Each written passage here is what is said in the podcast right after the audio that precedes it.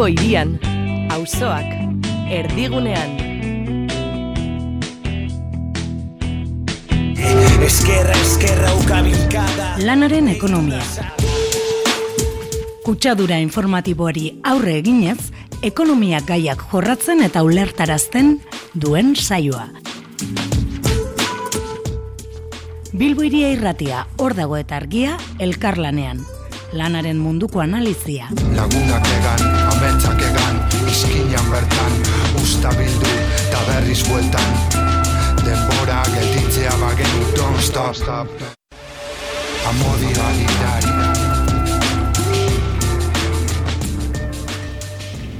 Bueno, bueno, bueno, hemen gaude berriz ere zuzenean Bilbo irian estudioetatik lanaren ekonomia saio berri bat e, egiteko prest e, betiko lez, e, gurekin dekogu e, ba, gaurko gonbidatuak eta gure e, gaurko gaiari heltzeko ba, ba, makinaria. E, berez gure gaurko gaia e, kulturan baitan dauen e, arazo larri bat e, da, musika eta kapitalismoaren arteko harremana, eta bueno, ba, e, horretarako dekogu gaur hemen gurekin e, Josu Zabala, kaixo Josu, Alan ekarri bai, egunon. eta gero baita ere, ba, e, gai horrekin bebai gero jarraitzeko, ba, dekogu hemen e, argian idazten dauen gorka berezi hartua, kaixo gorka, Haupa, egunon. eta gero, bueno, betiko lez, gure saioko plantilla nagusia, hemen dago maitane jaio, kaixo maitane, Kaixo, egunon. eta beti ere baita Inez Agirre Azkuenaga, kaixo Inez. Kaixo egunon bai. Eta bueno, ba, gure gaurko egitura betikoa izango da, alde batetik e, ba, sindikal agenda gazabiatuko dugu saioa, gero e, Miriam Miranda musikari elkarteko koordinatzaile orokorra izango dugu e, berbalagun, eta poliki poliki eta gure egungo gaur, gaurko gaiari heltzeko, ba, Josu Zabalarekin engo dugu apurtxu beta ertxainak e, egin berri dituen kontzertu erraldoi horien ba, valorazio moduko bat, eta eta hausnarketa kritiko bat, eta bueno, ba, horretarako baita ere, gure betiko les argiako atalean, ba, egon bidatu dugu, ba, urteak eta urteak e, argian idazten dabilen e, gorka hartua. Orduan, ba, horrekin, aurrera.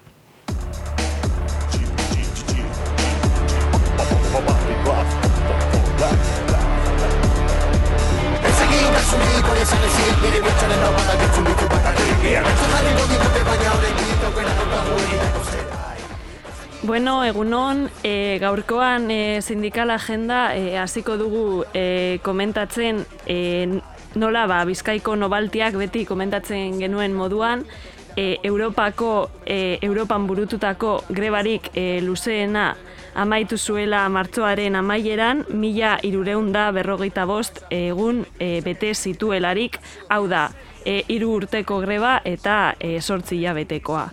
Euneko hogeita zeiko soldataren igoera e, lortuta, e, bertan e, amaitu zen eta e, komentatu nahi izan dugu, e, hor e, beti aipatu izan ditugulako eta hemendik ere ba indarrak bidaltzen dizkiegu.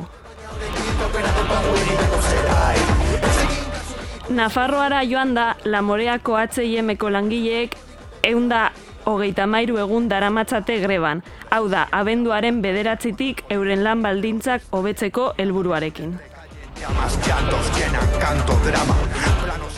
Gogoratzen dizuegu baita ere, implika enpresako langileek hogeita garren eguna dutela greban gaur, apirilak emerat, emeretzi kaleratzeen aurka. Justiziako funtzionarioek greba mugagabea hasi dute apiri- apirilaren amazazpian, soldata hobekuntzak aldarrikatzeko. Hiru orduko geldialdia egingo dute egunero goizez amarretatik ordu batetara, eta maiatzaren bira arte luzatuko dutela diote.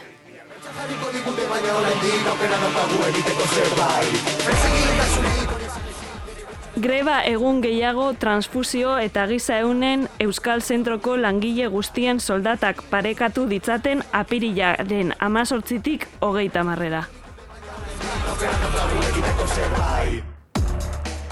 Gaur, apirilak emeretzi, greba egongo da baita ere Nafarroako eskola garraioan, hiru orduko lanustekin.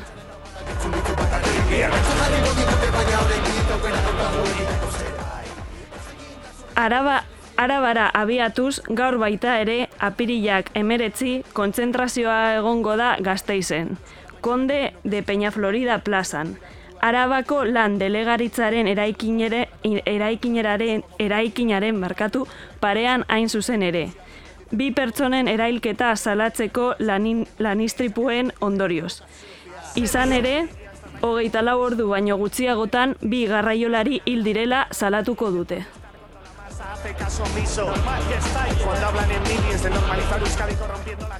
Gipuzkoan sartuz, bihar, apirilak hogei etxe bizitzaren negozioari aurre egiteko tresnen inguruan hausnartzeko aukera izango da arratsaldeko zeiterdietan groseko marruma elkartean mai inguru baten bidez.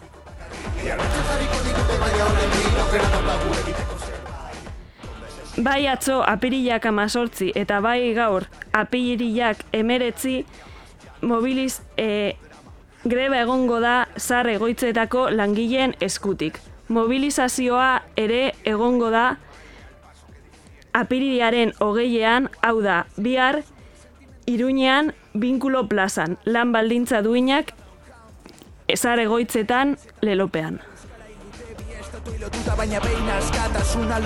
igurriña. Bizkaiko erresidentziaetako langileek grebak egunak deitu dituzte baita ere apirilaren hogeita batetik maiatzaren irura, gatazka lantoki zein eskualdetan areagotzeko diotenez. Apirila, apirilaren hogeita batean, amairu egunetako grebari hasiera emateko, manifestazioa egingo dute goizeko amaiketan Guggenheim Museoaren zabalgunetik abiatuta.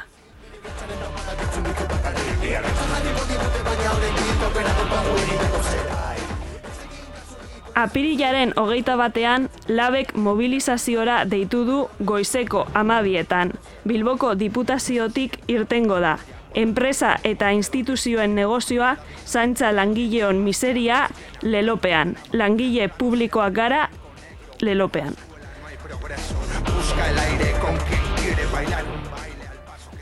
Nafarroera, Nafarroara bueltatuz, apirilaren hogeita bian, etxe bizitza sozialerantz abiatu ekintza sozialeko komunitatea arratsaldeko zazpietan, iruñean, geltokin, mai ingurua ere deitu dute.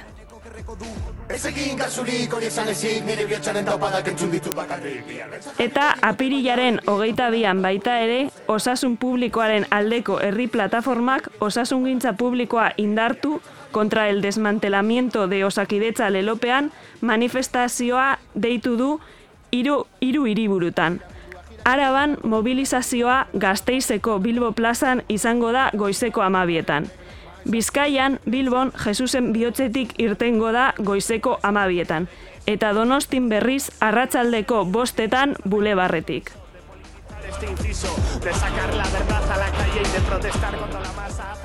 Igande honetan, kontzentrazioa egongo da laudion, sos mercedariaseko langileen aldi. Hau da, apirilak hogeita iruan, eguerdiko ordu batetan laudioko herriko plazan.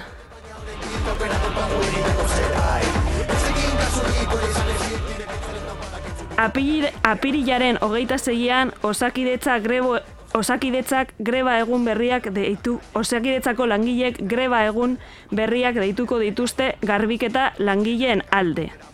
plano se abre blanco, negro, vieja escuela, no hay progreso. Eta amaitzeko maiatzari begira maiatzaren amazortzian eta emeretzian osasungintza publikoaren desegitea salatzeko greba egunak deituko dituzte ere. Naiz naiz eta behartuta Euskara indute bi estatu lotuta baina behin askatasuna lortuta igurriña entzuneneko kerreko du. Ez egin kasurik hori esan ezik nire bihotzaren taupadak entzun ditu bakarrik. Biarretza jarriko digute baina oraindik aukera daukagu egiteko zerbait. Ez egin kasurik hori esan ezik nire bihotzaren taupadak entzun ditu bakarrik. Biarretza jarriko digute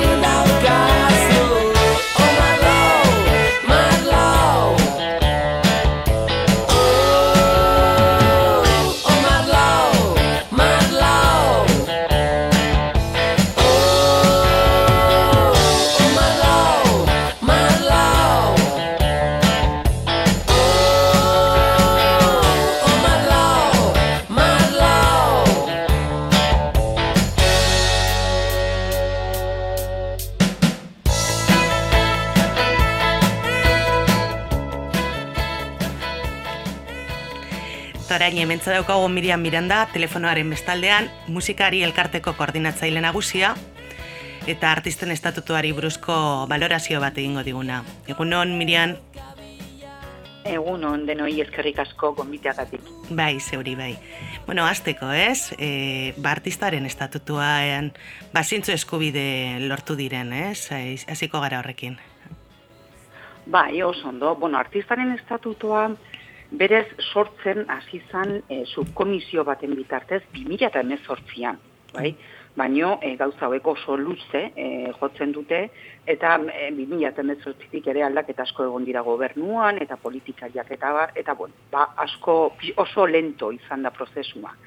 En aldaketa nagusiak em, urtarrilaren amarrean izan ziren neurri berri batzuk em, indarrean sartu ziren non badiren artistaren estatutuaren aldarrikapenetako e, bueno, ba, hiru puntu oso garrantzitsuak, bai, e, ha- hauek motx-motxean aipatzearen, bueno, balde batetik, lan artistikoaren eta erretiroaren arteko bateragarritasuna onartu zen. Bestalde, em, errege, bueno, kontratazioa, digamos, em, kontratazio berezi batean dauden e, artistak, bai, errege dekretu, e, larogeita bosteko errege dekretu lan harremanen kontratazioan dauden artistak, artistas contratados por cuenta ajena, esaten dan bezala, Bai. bai, e, hauek langabezi prestazio bat jasotzeko aukera dute.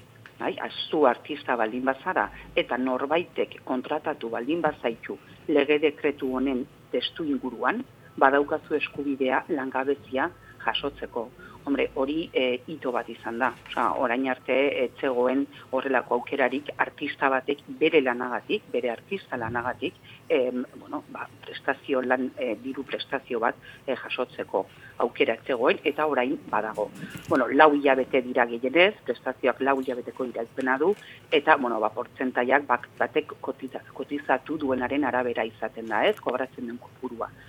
Baino gutxienez bada zerbait, hau ere lehen etzan existitzen. Baita, ze balorazio egiten duzue honen inguruan? Motz geratu dela, ondo, edo... Bai, motz, motzenen begira, azkeneko oso labur esplikatuko dizut, da diru sarrera txikiak dituzten aut- autonomoentzako kotizazio berezia. Honek esan nahi du, urtean iru mila euro sarrera garbiak gainditzen ez dituzten artistentzat egin dute tramo berezi bat. Baina, mm Mhm. tramo horren ordainketa euna irurogeita bat euro dira. Hombre, ba hori gehiagizkoa da. Orda, kuota hori ordaintzea, egun da irurogeita baita euroko kuota bat ordaintzea, hilabetean berreun da berrogeita mar euroko em, e, diru garbi ba, irabazten badin baduzu, hombre, ba, erabat em, desproportzionala da. Guk uste dugu em, neurriak badirela txalotzekoak, esan nahi dut, lehen etxegolako ezer. Bai, lehen etxegoen ezer, orduan gure valorazioa, e, musikariren valorazioa positiboa da. Hala ere, bai uste dugu, tentuz jokatu behar dugula, e, zeren, bueno, honek denbora behar du ikusteko zenolako eragina duen artisten bizitzetan, e, zenbat artista, egoke, em, zenbat artistek eskatu dezaketen e, diru e, prestakuntza hau, adibidez, ez, edo zenbat artistak, em, bueno, dauden autonomoen em, ku- em, franja horretan, orduan horretarako denbora behar da, neurri hauek benetan em, eraginkorrak diren, edo ez guk uste dugu neurri hauek aldatu beharko direla. Eta oraindik gehiago egokitu artisten errealitatera. Baino gutxienez pausu bat bada, zeren lehen e, etzegoen ezer, eta orain gutxienez zerbait badago. Bai, hori da, bai. Mhm. Eta, bueno, beste eskubide batzuk ere lortuko ziran, edo... Bueno, garrantzitsuenak hauek izan dira, hartu diren e, garrantzitsuenak hauek izan dira orain e, urtarrilean onartu zirenak. Baina honek e, bada, guk bai uste dugu noski artistaren estatutoa eta musikarik ere urteak daramatz honetan honen helburua bada badela nor, nola baitez em, artisten lana profesionalizatzea, musikarien lana profesionalizatzea, baina horretarako ere uste dugu neurri hauek ez direla e, be, oza, ez direla behar genituen guztiak bai direla, baina eskas xamar gelditu dira, eta orduan bai uste dugu honekin profesionalizazio baten alde e, jarraitu behar degula lanean. Zeren gainera, begira, baditut beste bi datu, e, musikaniko deigarriak, e, tamalez dira neigarriak, eh, dei- neigarriak. Bai. E, musikari elkartea, bada mm, estatuko musikarien em, bueno, ba, batasuneko kidea. Eta pasaren urtean, 2008 bigarren urtean, bueno, bat, inkesta bat, txosten bat egin genuen, ba, profesionala, e, egoera profesionala eta laboralaren inguruan. Inkesta hau bete zutenen euneko berrogeita ama- amaikak jasotzen dituen diru sarrerak euneko hogeita bostak bakarrik dat, datozkio jarduera artistikotik. Karo, honek zesan nahi du. Badakigu artista lana oso heterogenea dela eta musikari askok, partikularmente dekuko horretan eh, daukagu esperientzia gehiago, mm, oso lan heterogenea denez, be askotan beste lan batekin kompatibilizatu behar dutela. Orduan, karo, honek nolabait zaildu egiten du, baita da ez, musikarien inguruko eh, diagnostiko zehatz bat egitea. Zen musikari batek bere lan jarduerarekin eh, jasotzen duen eh, diruarekin ezin baldin bada bizi, hombre, ba, profesionala izateko uste dugu oraindik asko falta zaiola, ez? Esan nahi du edo gutxienez asko daukala egiteko era duin batean eh, lan egiteko. Eta gero badago beste datu bat ere, atentzioa ditzu ziguna, mm, inkesta hau, aipatu dizuen inkesta hau, e, bete zuten, eta euneko bete zuten pertsonetatik, euneko irurogeita mairuak, lanbide arteko gutxineko soldataren parekoa edo gutxiago jaso zuen. Claro, hauek profesionalak dira, hombre, bai esango nuke, bai, profesionalak dira, baina hauek badira baldintza duinak eh, profesional batek lan egiteko? Hori da ez, guk orain buruan daukagun galdera, eta honekin lotuta dago zer konsideratzen den eh, artista edo musikari profesional bat. Hori hor beti egon da hausnarketa hori bizkat pendiente, ez, zeren hemen interpretazio asko daude. Izan daiteke, batzuk esaten dute, ba, bueno, pertsona batek bere lanagatik kobratzen badu, profesionala dela. Bale, baino kobratzen duena ez baldin bada salario minimo interprofesionalera iristen, ba, bere ongizatea eta bere bizitza ez dakitze duintasunakin, ez, bete izango duen. Orduan horrek kezkatzen gaitu, kezkatzen gaitu portzentai hauek, kezkatzen gaituzte oraindikan em, ez daukala beste lan edo gibide batek izan dezaken estatus profesionala. Bai, bai, bai. Bale, ba, ba, Mirian, Mirian e, gurekin egoteagatik eta, bueno, ba, komentatzeagatik ere azkenean artistaren estatutua lehen pausua dela, oraindik motz geratzen dela profesionaltasun baterako, baina, bueno, horre biliko garela lanean, te biliko zaretela. Bai, bai, bai, guk musikari elkartetik argi daukagu artisten duintasunaren alde lan egiten jarraitzeko konpromisoa aspalditik hartu genuen eta jarraituko dugu horretan eh, benetan artistak eta musikariek merezi dutena lortu arte. Hori da, hori da. Bale, ba, ba, eskerrik Bai. asko gurean izaterren, horrengo bat arte. Zuei, bai eskerrik asko, agur. Bai, gerarte. Soy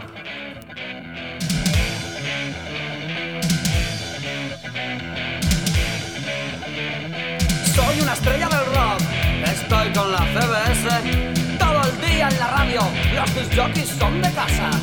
Cuando tenga 40 años me voy a hacer la cirugía y venderé muchos discos con esta carita mía. Si me marco una chapuza de la que ni Dios se aclara, es una genialidad. Pues pa' qué compré los críticos. Y hasta si un día me asqueo y con todo me mosqueo, se me ocurre suicidarme, me convertiré en un héroe. ¡Oh, oh!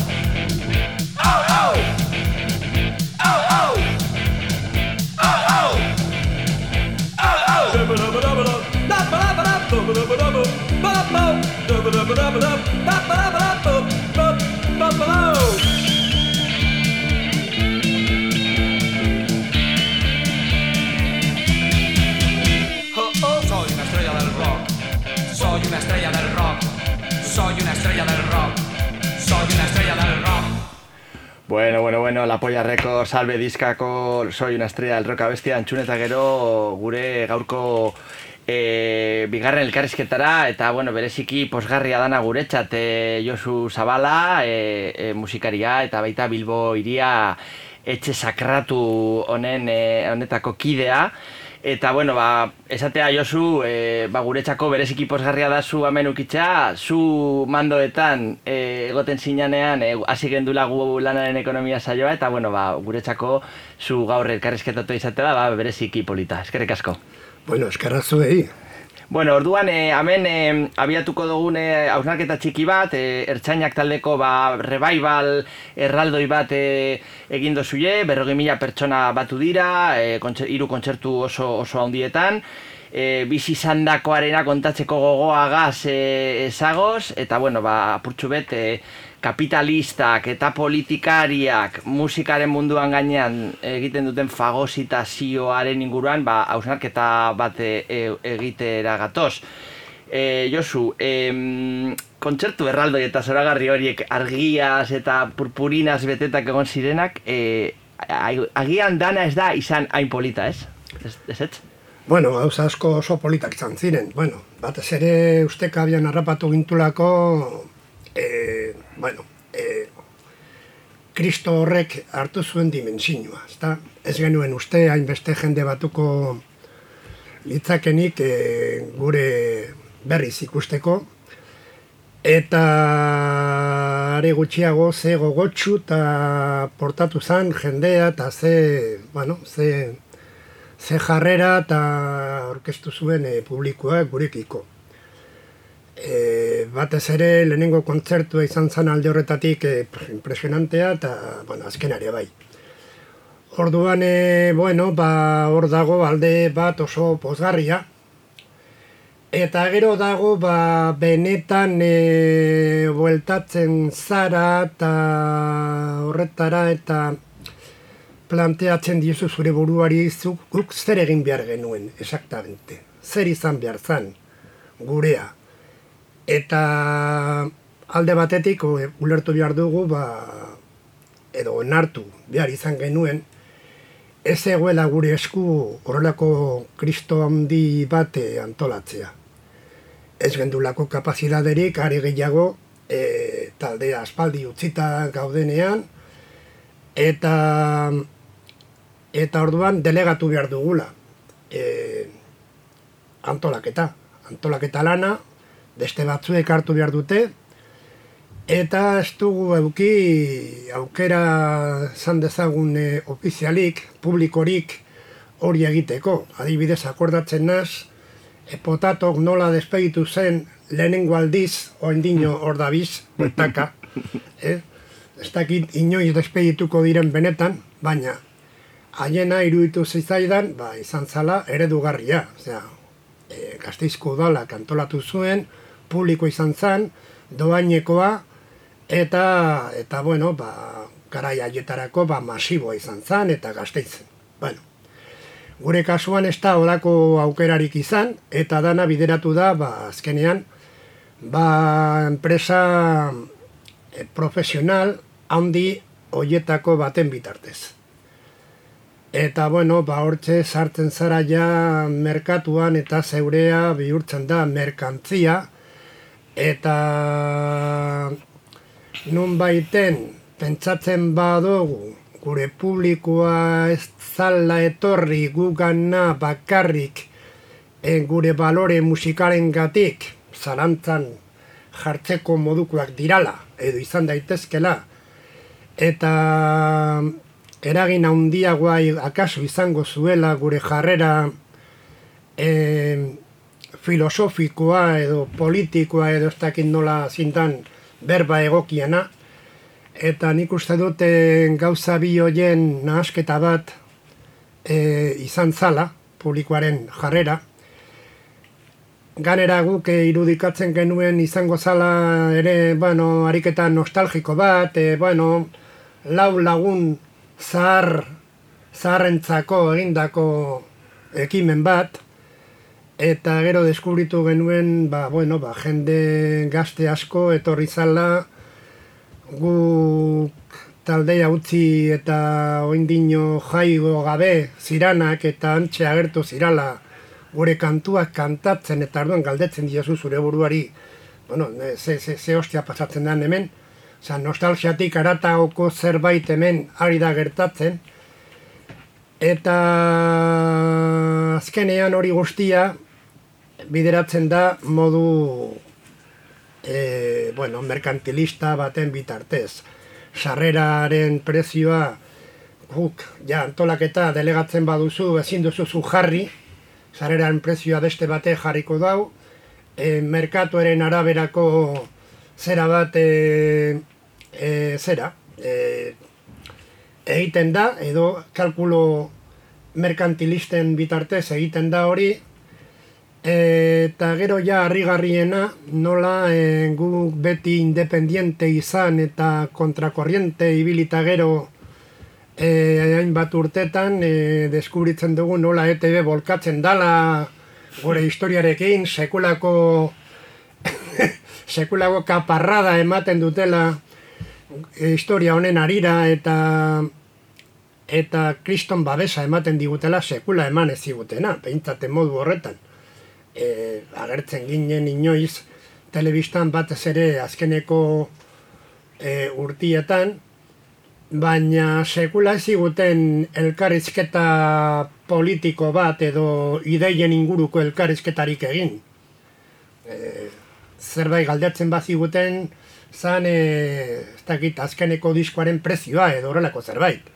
E, ez gehiago eta orain beste interes berezia eta ematen du nazio kontua bihurtzen dala politikari asko eta asko datoski, e, datozela e, foto egitera eta bueno, en fin, eta topatzen duguz babes batzuk e, nun baiten e, nik uste dut desbirtuatu dutenak e, gure, gure ibilbidea eta gure izaera.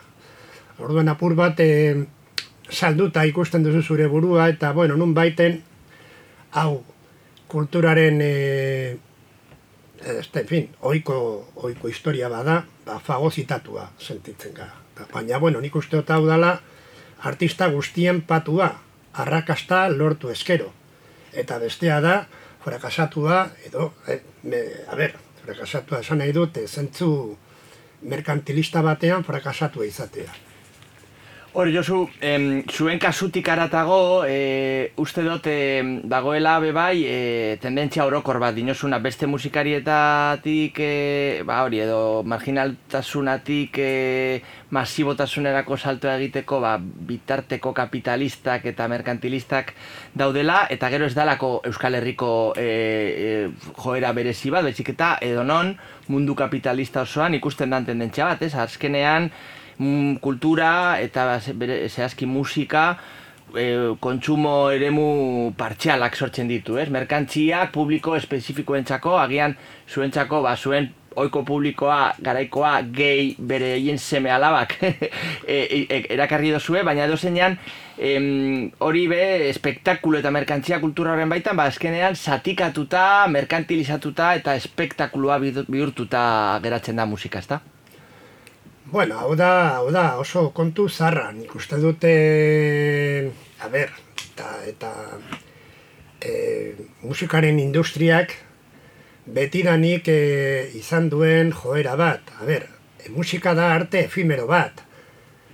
Musika egiten da gaur, gaur e, kantu batek e, uki aldau kriston sona eta historiak e, eramango du kantu hori epe labur batean e, zabortegira eta hori ari da gertatzen, etengabe sortzen ari da, eta etengabe saltu behar da, eta produktu berriak etengabe behar dira.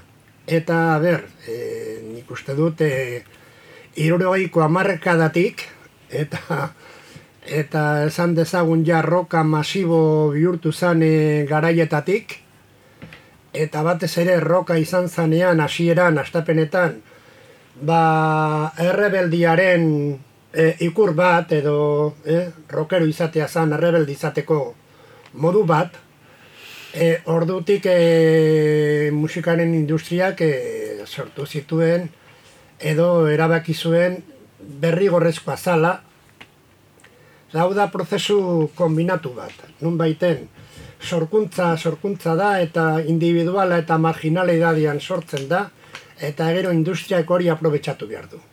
Orduan, e, rokeroa sortzen dira, baina, klaro, rokero guztiek, joder, batu eskero, eta dana bustok bat baldin eta bada, ostra, e, jende gehiagi dago hor, e, kontra egiten batera. Orduan oso interesantea da, sortzea estilo ezberdinak, estilo ezberdin bakotxari, filosofia ezberdin bat emotia, eta lortzen baduzu, euren artean, talkak izatea, e, bibide, ibentzeraz.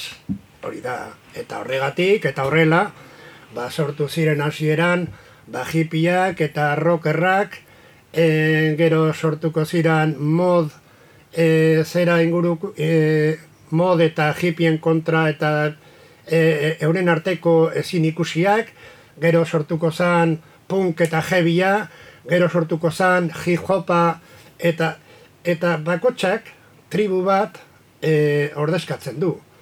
Eta horrek azkenian egiten duena da gizartea zatikatu eta, bueno, hori da azkenian kontrol sozialerako herramienta oso importante bat.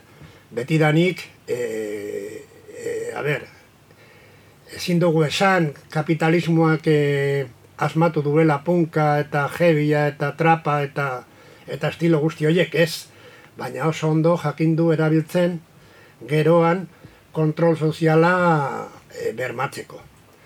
Orduan hori da gauza bat, e, bueno, da, nik uste dute agerikoa dana, eta uste dut galdu naizela momentu honetan, eta ez dakidala ja ze hostia galdetu idazun.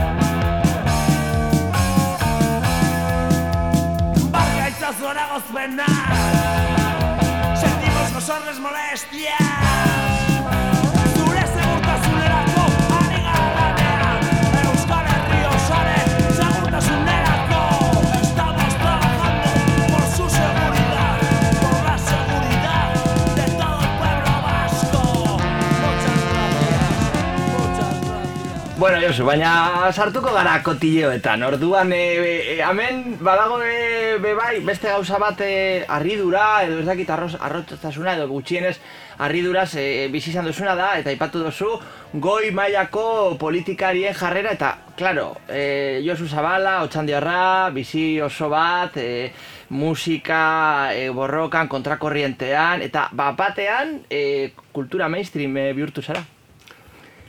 Ba, bai, bai, e... bueno, claro, eta azkenian, esan edo pentsatu beharko da hori guztia antolatu izan bazan horretarako zala, neurri handi batean, be bai. Horretarako eginda, osea, garbi dago guk eh, gure kontzertuetan gertatutakoa ez zala posible izango, ez bazan eh, alde batetik enpresa handi bat, enpresa kapitalista edo, eh, antolatzeko gaitasun handia daukana, eta e, instituzio batzuen eta politikari batzuen e, kolaborazioa. Hori, hori nabarmena da, hori nabarmena da, eta ganera esanen behar da, oza, lehen, eta gure garai historiko haietan, e, instituzioek ez zuten parte hartzen kulturan. Euskal musika era bat aparte egoten zan e, instituzioetatik e, izatekotan zerbait izango zen udaletxeak eta jaietan antolatzen zituzten gauzak, baina hortik aparte, eta bueno, jaietarako ba, zerbait antolatu behar zutelako. Osea, ez dala, ez dala benetako harreman bat. E, baina gaur egun, eta nunbait e, euskal musika despolitizatu danetik, edo desente despolitizatu danetik, orain, ba, instituzioek eta badaukate hor eskua sartzeko e, bueno, au, aukera bat. Eta aukera hori da aprobetsatzea beti mainstream edo e, masa kritiko handiak mugitzeko gaitasuna duten taldiekin eta kolaboratzea eta hor jartzea ETV eta jartzea ez dakiz zer. Eta arduan e, ba, diputazio, bizkaiko diputazioak diru bat emoten dau, BBKak e, beste diru bat emoten dau, e, lortzeko ez daki ze prebenda, ba, ba, lehenengo eguneko salmenten, sa, sareren salmenten e, prioritate bat izateko, Eta, eta abar, eta abar. Eta Eta, gero, eta gero politikariak noski agertzen dira, agertzen dira kontzertutara, eta batzuek datoz, ba, selfia egitea, eta, en fin, ezinbesteko, eta ekidin ezineko kontu bat bihurtzen dala, eta azkenean, bueno, galdetzen diezu zure buruari, baina ni ze cojones pintatzen dotan hemen honen inguruan, ezta? Sekula ez gaitue lagundu, sekulan ez, ez digute kritika honik egin eta oraintxe halako batean begira zertan, zertan ari garen. Ba, bueno, imaginatzen dute negozio horren parte bazala eta ba, beste gauza asko kontrolazinak ziren moduan, bau ere guretzako kontrolazina izan da. Eta zein da ondorioa, ze, ze pentsatu behar dugu, ona, txarra, zer dan, ba, ni puta idea, ez dakit. E, iruditzen zait alde batetik, bueno, ondo egon daitekela instituzioek eta eta zera, eta kapitalak apur bat laguntzea e, musika, batez ere euskal musika, desente krisi handian dagoela, eta laguntza bat nun baiten behar duela, eta beste alde batetik, ba, bueno, ba, ba hori, mundu despolitizatu honetan, ba, bueno, pentsatu behar du hori normala dala.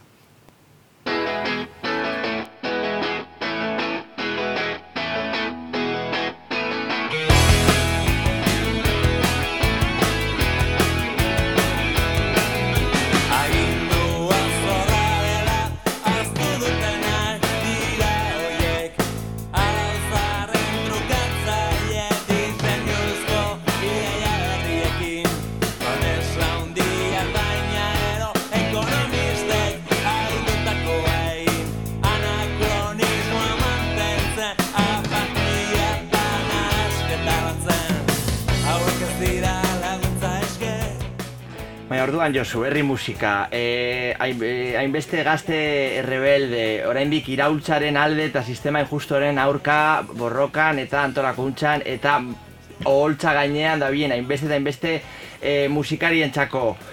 Berez, txikitasunetik, gaztetxetik, herriko jaizen e, eszenatoki txikitik, e, plaza hundirako saltoa egiteko, egungo agintari eta politiko eta ekonomikoei, hau da, politikariei eta kapitalistei, arima saldu behar da. Bueno, harima saltzea igual e, berba e, poto egia da. Baina olako zerbait bai, osea, e, hemen eh, gaur egun oso elkarte egitxik daukate ba, gauza handiak antolatzeko almena. Hori egia da. Lehen herri antolatzaile asko zegoen, musikaren eh, joera berriekin eta konsumo moteekin gauza asko aldatu dira, eta hoien artean desagertutako gauza oso importantea hori da. Lehen eh, herri bakotxean zegoela jendea beti prest gauzak antolatzeko txikitasunetik edo eh, bakotxak bere bere bueno, altzituen eh, baldintzekin, baina antolatzen ziren gauza asko, eta gaur egun hori hori desagertu da. E, musika, edo ez dakit, musikari asko profesionalak izan nahi dute, nik ez dakit hori ere, noraino, eh, guztien kasuan, gauza egokia dan, ez dakit ezote litzaken hobeto, ez profesionala izatea eta edo amateurismo e, Peter Panesko batean bizi eta zeure harima ondo gorde eta zeure belaunaldiko jendearekin lotu. Egia da, badirala gazte rebeldeak eta badirala hor elkarte batzuk eta gauza batzuk antolatzen dirala eta badira hor ejemplu, ejemplu honak EHZ dibide izalik ejemplu hon bat, baina tortxu rocker igual izalik beste bat, eta bueno, badira, holako urtean zehar, hiru lau gauza potolo, e, nun, e, bueno, ba, gazte rebeldeek eukialduten e, leku bat. Eta, en fin, ba, zaila da, zaila da e, musikaren egoera, musikarien egoera, zaila da musikari gaztien egoera, gaur egun publikoa gero eta exigenteagoa da, eta, eta bueno, horrekin batera, ba, klar, datorrena, ba, da beste baldintza batzutan e, lan egin behar dala, profesionaltasunaren e, kontua hor dago, zaila, e, gehienentzako, e, horre lehen e, gure lagunak e, ondo azaldu dau, eta, bueno, ba, nik uste egin behar dala. Eta, ber, ez dakit, belaunaldi bakotxak, e, e, momentu historiko bat e, bizi behar du, eta horretan eraginen behar dutela, eta azkenean euren esku dagoela, eta egon behar duela, eta gora Peter Pan, ez dakit, gora jende gaztea, eta eta gora, bueno, ba, ba hori, ez dakit, musika egiteko zera hori. Ze, esanin behar da, e, ez dakit, fontanero izateko edo seguraski ikusillo batzuk egin behar dira. Gaur egun musikari izateko, ez da zertan akademia batera joan behar. Gehienak gaur egun joan dira, eta gehienek e, ikasketak badituzte. Baina badira, ezer ikasi gabe, hor da bisenak. Eta hor, orduan hor, hor dago mundu oso oso ambiguo bat, eta oso malgu bat, eta hala jarraitu daitela. Zer esango nik?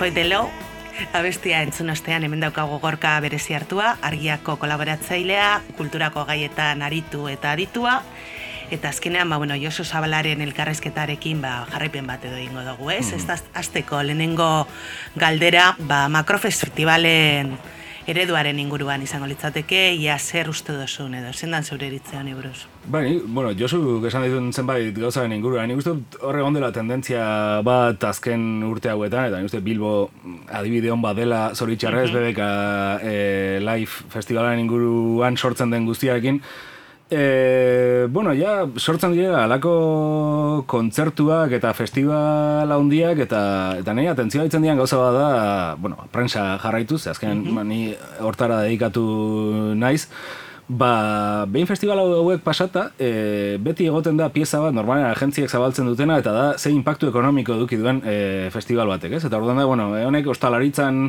e, hainbeste mila euro ekarri ditu, hainbeste bisitari, e, ba ezakit, e, ostatuen erreserbak hainbeste igotzen dira festival hau dagoena, eta claro, kontatzen zera ja, e, bueno, musika eta hor esaten dena, e, taldeek zabaldu nahi duten mezua, e, ezakit, egiten dutenaren estetika nahi duzun guztia, e, era bigarren ordenako gai bat bihurtzen dela, ez? E, ja, be- behar duzuna da, evento bat, eta berdin du kontzertu bat izatea, edo edo berdin zait, e, tortilla patata lehiaketa bat, edo turra, e, Bai. Importa duena da azkenean e, hortik deribatzen diren e, etekinak, ez? Orduan, e, nik uste dut, Claro, salto oso handia da, edo, edo aldaketa da, iaia e, goizetik gauerakoa, ba, ba bueno, ba, ba zuzen, e, hemen beste garai batzutan egon den estena musikala oinarritua zegoen baloreetatik horretara pasatzea, ez? Eta nik dut hori azken urteetan gainera, bueno, ba, alako eragile ekonomiko batzuk kulturaren munduan alako despliege bat egin dutela, e, ba, ba zuzen ere, beste logika batzuetatik e, funtzionatu izan duten gauzak ere bere ganatzeko, ez? Eta, eta bueno, ba, nik uste, Josuka, aipatzen zituen gauza asko ere, hor mm, ulertu daitezkela, e, zoritxarrez, ez? E, e, e, ba, ba, ba, bueno, ba, fagozitazioa, nik uste ditza oso zehatza dela, bai. Hmm. Bai, eta bueno, bai, jarraitzeko bez, e, aipatu dugu ere aurreko elkarrezketan, bazkenean, ba, musika, musikaren aldarrikapen sozialak, ba, geroz eta gutxiago direra, edo aukera gutxiago dagoela horren inguruan, eta, bueno, ea zeritzi duzun zuk be. Bai. Honetaz. E, aldarrikapena, nik uste dut edo sensazio bat daukat eta da, bueno, hor bago liburu bat, ez ertzainak buruz, baina kortaturi buruz, eh, Roberto Herrerosek eta Isidro Lópezek egin zutena gaztelaniaz, bueno, kortaturen El Estado las Cosas diskoari buruz, eta hor nolabait saiatzen ziren disko hura testu inguru sozial, sortu zen testu inguru sozialen kokatzen, ez? Mm, Eta, bueno, ba, zentzu horretan ertzainaken garaia ere e, uraxe da, ez?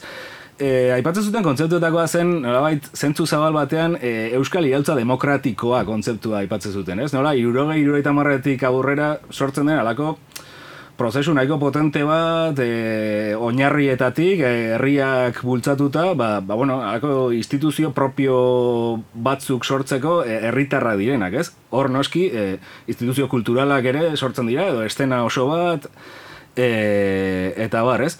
Ne, impresioa da, e, ezote gauden pixka bat prozesu hura izan zenaren azken ondarrak ikusten, eta, eta bueno, ba, ba, zerbait azken ondarretan dagonean, ba, ba bueno, e, duela gutxi hor, e, ez egon naiz, kortezubiko basondon, eta hor sai, saiak e, badaude, ikusi daitezke, ezote diren alako animali sarraski jale batzuk ere agertzen, ba, ba hoxe, e, bizirik egon den zerbaiten e, arrastoaren bila, ez? E, eta, eta bai, nik uste dut, e, bueno, ba, hoxe, selfie bat atera nahi, e, ertzainak ego kide batekin, politikari baten aurretik, ba, nik behintzat, gara kode hauetan ulertzen dut, ez? Agertzen da, e, ba, ba hoxe, e, bere ganatu nahi, ze, bueno, esan dut, hemendik, e, hogeita mar, berrogei urtea ertzainak ez segituko goratzen. Ezakit argazki ateatzen den politikoari horretaz horatuko garen, ez? E, e, eta askotan hau izaten da ez bakarrik musikan, e,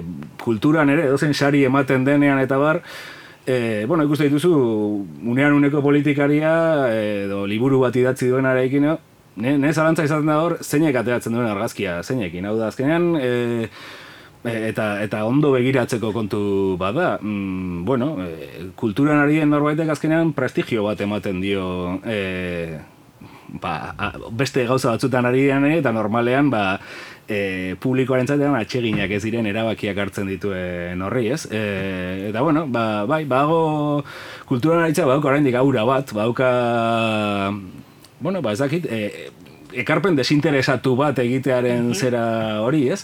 E, eta, eta, bueno, ba, ba, hoxe, kontuz e, animali sarraski jaleekin, ni uste ere mezu hori litzakela. Nik tontokari bat esatera ausartuko naz. Hmm. Eh, uste dut, deskubritu dudala, eh, instituzioek kulturari dirua ematen diotenean, edo laguntza ematen diotenean, ostalaritza laguntzeko egiten dutela. Osea, turrak, kriston, kriston dirua jasotzen dau instituzioetatik, eta hotelek, e, e, gelak mila eurotan jarriko dituzte e, aste bete batean. Edo gazteizen e, hotelak praktikamente bete izan ziren gure kontzertuaren kontura. eta ematen du, edo iruditzen zait niri, kulturari eman, eta bestea jaso. Osea, azkenean, e, ze, ze bide, e, hau da, ekonomia ziklikoa edo zirkularra esaten dan hori. E, ba, bale, ba, gora Euskadi. Eta gora, bueno, sin más, markatu. Bai, bai, bai, bai, ez guztiz, guztiz ados, bai.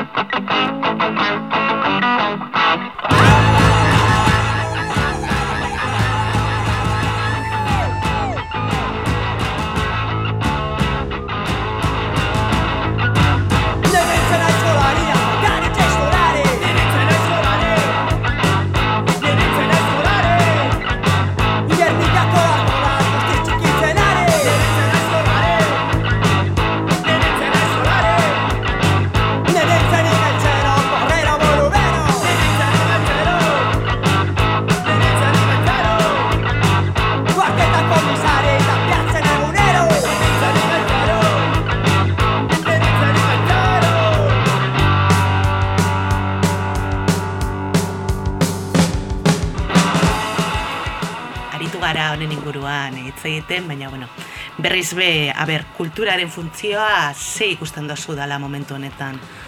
Ba, galdera potoloa da, eh? Bai, Eh, eztabaida luzekoa, bai. Bai, bueno, nik uste dut, eh, bai, ideia orokor xamar bat emateatik, eh, kulturak izan beharko lukela eh, zerbait, ba, lagunduko laguntzen diguna edo edo kokatzen gaituena nolabait egunerako biziraupen eh, horretatik arago begiratzeko leku batean, ez? Eh, Ze, bueno, bestela, ba, denok, eta hemen e, agenda sindikala ikusita ikusten da, denok hau e, gure lanarekin gure historia ditu, gure borroka, gure, bueno, e, azkenean gure bizirauteko egiten ditugun kontu, eh? Nik uste e, kultura bala espazio bat, espazio bat gure burua beste leku batetik pentsatzeko, eta Eta, bueno, ba, ba seguraski alako e, lotura e, ekonomiko hoietatik aragoko zerbait badela e, pentsatzeko espazio bat.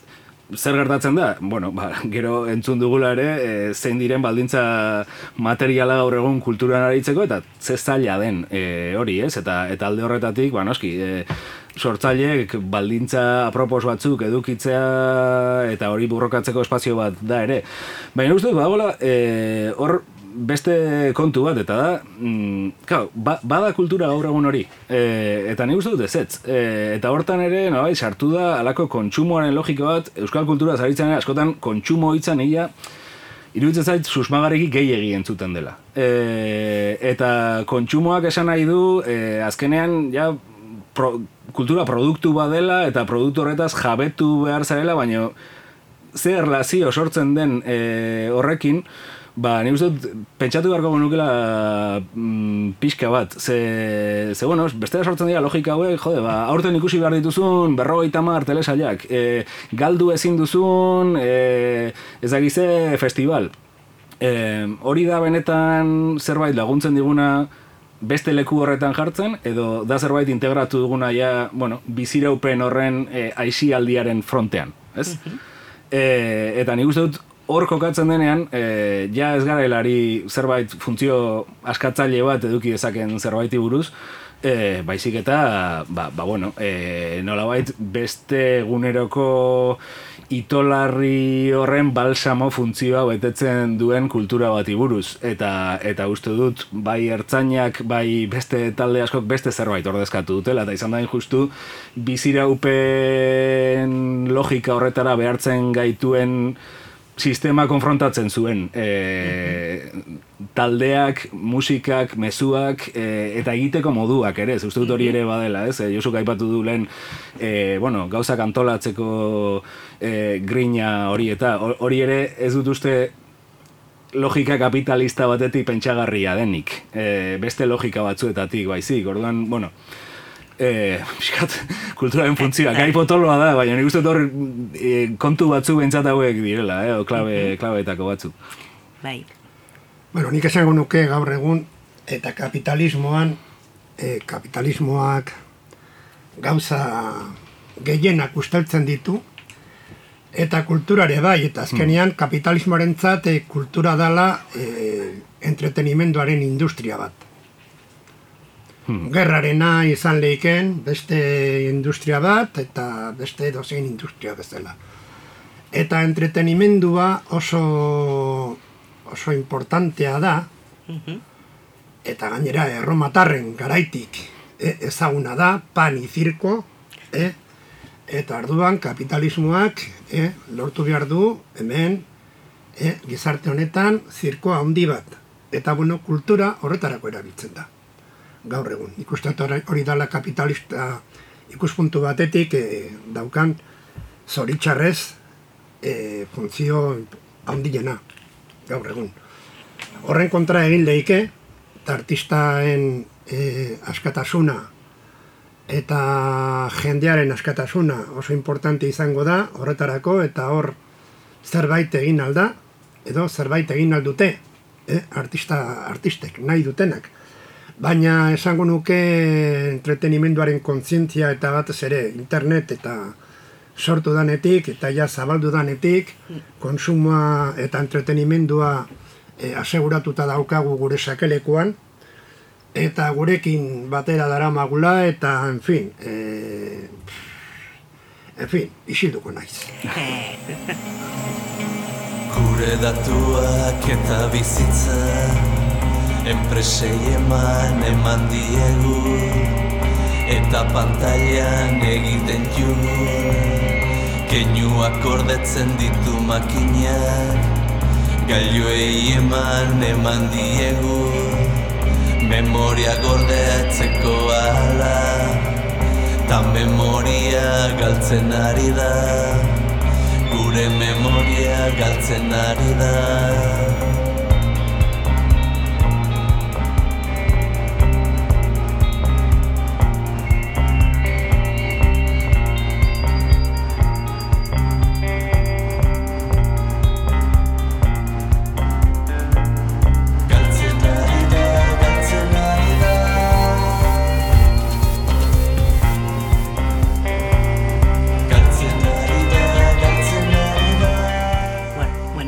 saio potolo hau e, amaitzera goaz, eta bueno, eskerrak ematea bai Josu Zabalari eta bai Gorka berezi hartuari e, gurekin izateagatik eta hausnarketa interesgarriak e, egiteagatik. bueno, eskarik asko zuei Ja, eskerrik asko onbidapenagatik. Bai, eta bueno, beste bat arte. bai, nahi zuen arte Ondo izan. Bai, agor. Gure nagusiak apepeak dira Debalde egiten dugu corazón, te vas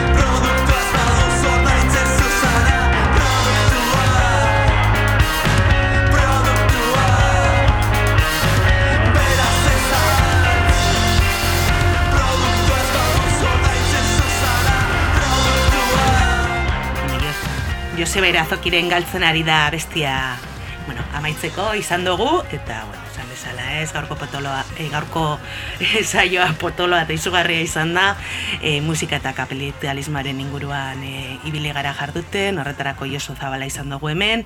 Azken ertzainakeko kontzertu erraldo honen inguruan ba, bueno, sortu zaizkion hainbat ke konturi buruz ba, komentatu digu eta bueno, ba, azkenean bere hausnarketa sakon bat egin. E, argiako kolaboratzailea den gorka berezi hartuak ere, e, bueno, ba, hemen izan dugu, eta bera ere e, hortaz aritu da, eta bueno, hainbat e, kontu ere hitz, e, komentatu ditzkigu, eta gero izan dugu, ba, musikariaren er, elkarteko koordinatzaile ore, orokorra dan, edo nagusia dan Miriam Miranda, e, artistaren inguruko estatutuari buruzko ba, balorazio bat eginez. Eta, bueno, gero noski ere, betiko lez, e, Inez Agirrezkonagak sindikal agendaren berri eman digu. Eta, bueno, eskertu ere, ba, hemen ditugun teknikariei, bai Bonburgoari eta Ane Zabalari. Eta, bueno, gogoratu behar dugu ere, e, lanaren ekonomia lantaldearen e, urte betetze datorrela, maiatzaren amaseian eungarren saioa ingo dugula, eta ospatuko dugula ba, Bilboko kafeantzokian, amabiterdietatik ordu bat aterdietara, eta bueno, ba, entzule, e, parte hartzaile, e, entrevistatu eta oro guztiok e, gonbidatuak zaudetela. Bueno, urrengo arte eta agur.